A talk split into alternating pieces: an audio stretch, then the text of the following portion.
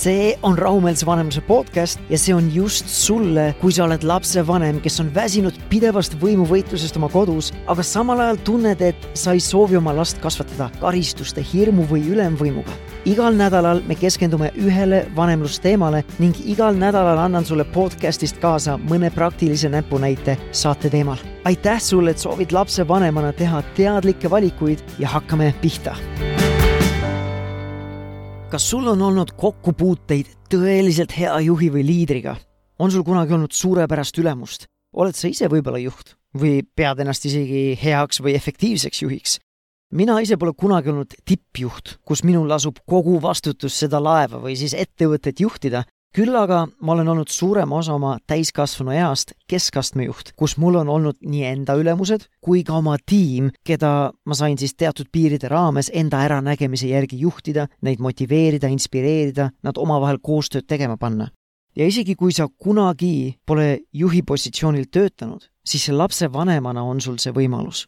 sina oled juht võib-olla sul on võimalus olla isegi suurepärane või miks mitte legendaarne juht ja mida rohkem ma olen sellele mõelnud, seda rohkem mulle tundub isaks olemine juhi positsioonina. otse kui mina ja minu naine oleksime startupi kaasasutajad, ainult et iduettevõtte asemel juhime oma pere ja tiimi asemel juhime oma lapsi. ja ma ei oska seda eesti keeles paremini selgitada, aga inglise keeles kõlab see väga hästi sellisena. Parenting is a leadership position.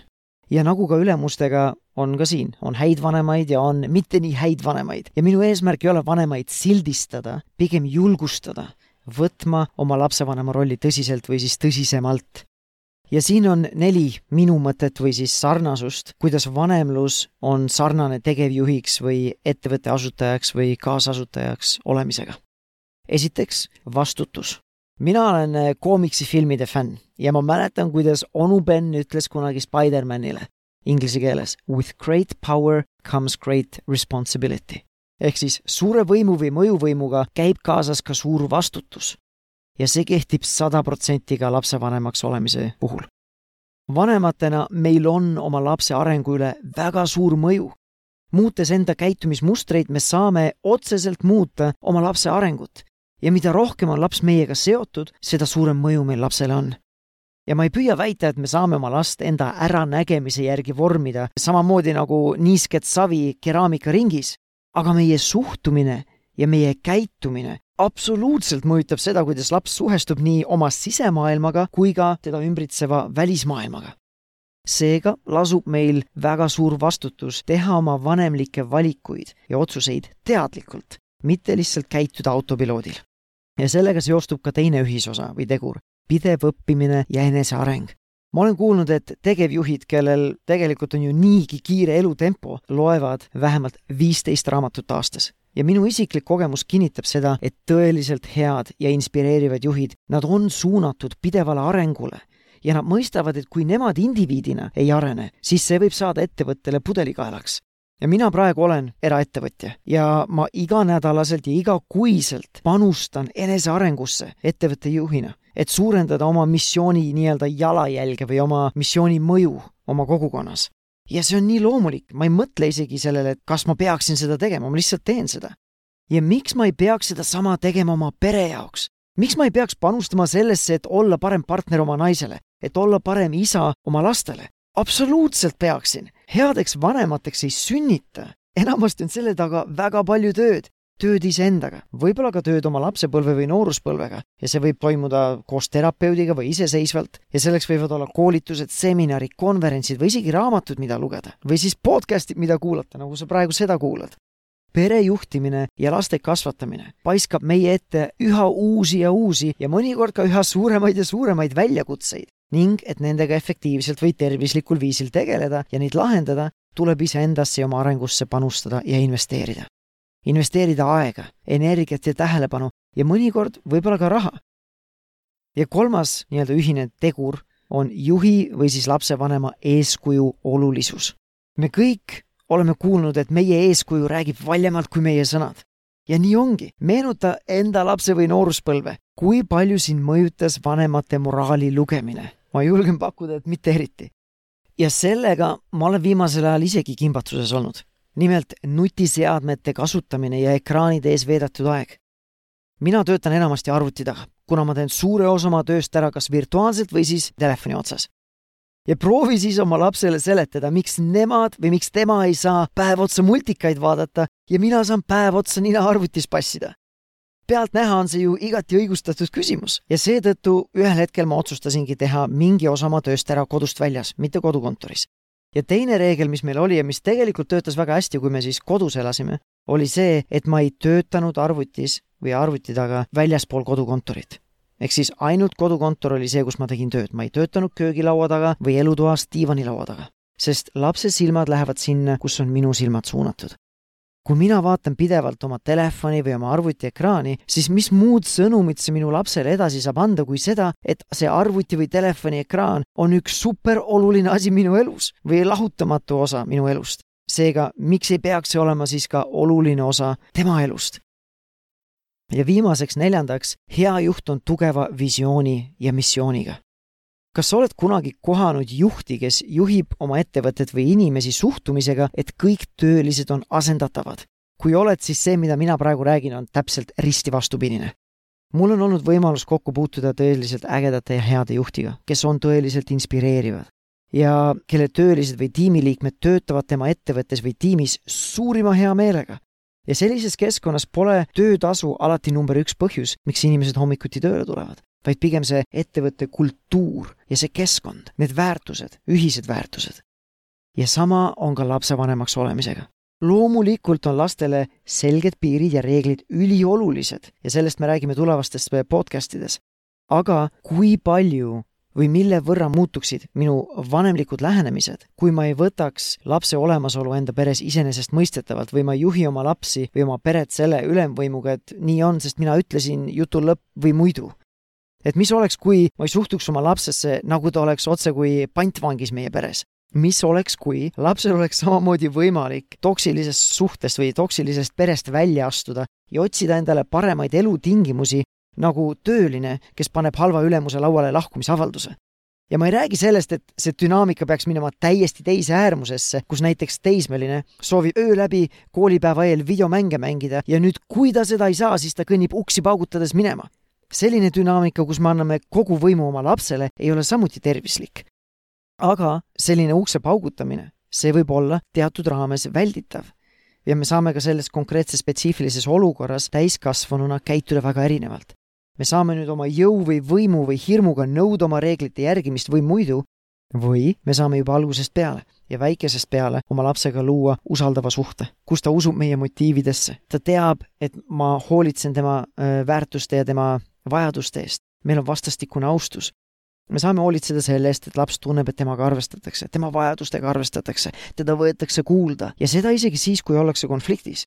ma saan last kuulda võtta isegi siis, kui ma ei saa tema soovi järgi käituda. ja me saame olla ka eeskujuks sellega, kuidas me iseenda emotsioone reguleerime või kuidas me suhet või kontakti taastame, kui me oleme ise eksinud. lapsed on koostööaltid kui nad tunnevad, et ka nende vajadused on olulised ja need saavad varem või hiljem tähelepanu. ettevõtted ei kuku kokku üleöö ja ettevõtete edulugusid ei looda samuti üleöö. või näiteks puuraidur, kes langetab kirvega suurt puud. isegi kui see puu võib langeda pärast viimast kirvehoopi, siis ükski üksik kirvehoop seda puud ei langetanud. see tulemus saavutati üle pika aja, akumuleerunud töö oli see, mis selle puu langetas ja samamoodi on ka vanemlusega ja peresuhetega. Need suhted ei lähe toksiliseks järsku või üleöö. usalduslikke suhteid, mis toetuvad tugevale vundamendile, mis elavad üle ka väikesed ja suuremad kriisid, neid suhteid ei looda samamoodi üleöö. mõlemad need stsenaariumid, need toksilised suhted ja see tugev vundament suhtes, mõlemad on üle pika aja akumuleerunud töö vili või viljad mis oleks, kui me kasvataks oma lapsi sellises vaimus, nagu ta oleks meie ettevõtte võtmetööline, mitte tema ees lipitsedes või tema ees kummardades, vaid teda austades. kus laps tunneb, et ta on tähtis, temaga arvestatakse, teda võetakse kuulda, tema vajadustega arvestatakse. kus meil on võimekus oskuslikult lapsevanemana mängida oma kõrgete ootustega lapsele, aga samas teiselt poolt ka hoida seda head kontakti, seda lähedust, seda usaldust, vastastikust lugupidamist ja austust kuidas see kõlab sulle, kõlab see utoopiliselt või hoopis inspireerivalt? inspireerivalt selle koha pealt, et see oleks olnud äge, kui ma oleks ise saanud sellises peres kasvada, kui ma ei kasvanud, on ju. inimestena me ju kõik soovime ja otsime seda, me soovime, et meid nähakse, meid kuuldakse, meid aktsepteeritakse. Ja ilmselt on neid sarnasusi vanemluse ja tippjuhiks või heaks juhiks olemise vahel veelgi, aga need neli on need, mis mulle esimesena meelde tulevad, kui ma võrdlen enda elus figureerinud väga häid juhte ja nüüd perejuhtimist, millega ma ise siis igapäevaselt tegelen. ja nendeks neljaks teguriks olid esiteks vastutus, vastutus teha õigeid valikuid ja vajadusel sisse viia ka muutusi, kui ma näen, et need valikud võib-olla ei olnud õiged, mis ma varem tegin. teiseks, pidev õppimine ja eneseareng. Nagu ma ütlesin, keegi meist pole sündinud heaks emaks või isaks. Ja loomulikult meil on kõigil erinev stardipositsioon, sest me tuleme erinevatest peredest, erinevast taustast, aga lapse kasvatamisega käib kaasas pidev eneseareng. kolmas tegur või ühine nimetaja oli meie eeskuju oma lapsele või siis juhi eeskuju oma tiimile või töötajatele. Ja neljandaks ettevõtte või siis perekultuur, ühised väärtushinnangud, visioon, missioon, austus, mis on mõlemasuunaline, kus vanem austab last ja laps vanemat, kus võimuvõitlus on asendunud koostööga. nii et mõtle nendele punktidele. meil tõesti on ja meil lasub suur vastutus ja mitte ainult oma peres ja oma lastega, aga ka kollektiivselt kogu meie järgneva põlvkonna ees, meie lapsed on tuleviku liidrid, nemad on tuleviku teadlased, kes peavad lahendama tuleviku väljakutseid. Nemad on tuleviku riigijuhid, tuleviku ettevõtete juhid, muuhulgas ka perepead, tulevased emad ja isad, kui nad soovivad selleks saada, kes mingil hetkel annavad oma tõrviku edasi järgmisele põlvkonnale, meie lastelastele.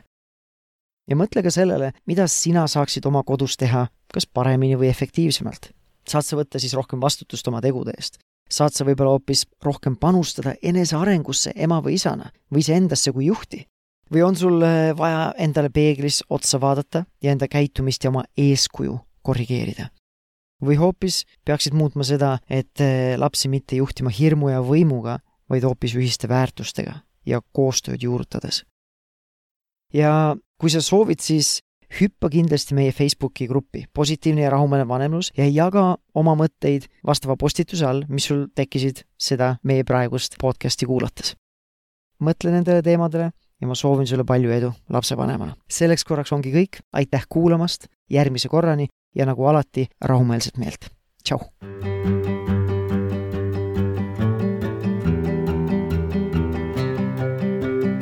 oot-oot-oot, enne kui ma sul minna lasen, ma tahan sind tänada selle eest, et sa oled lapsevanem, kes püüab ja soovib areneda.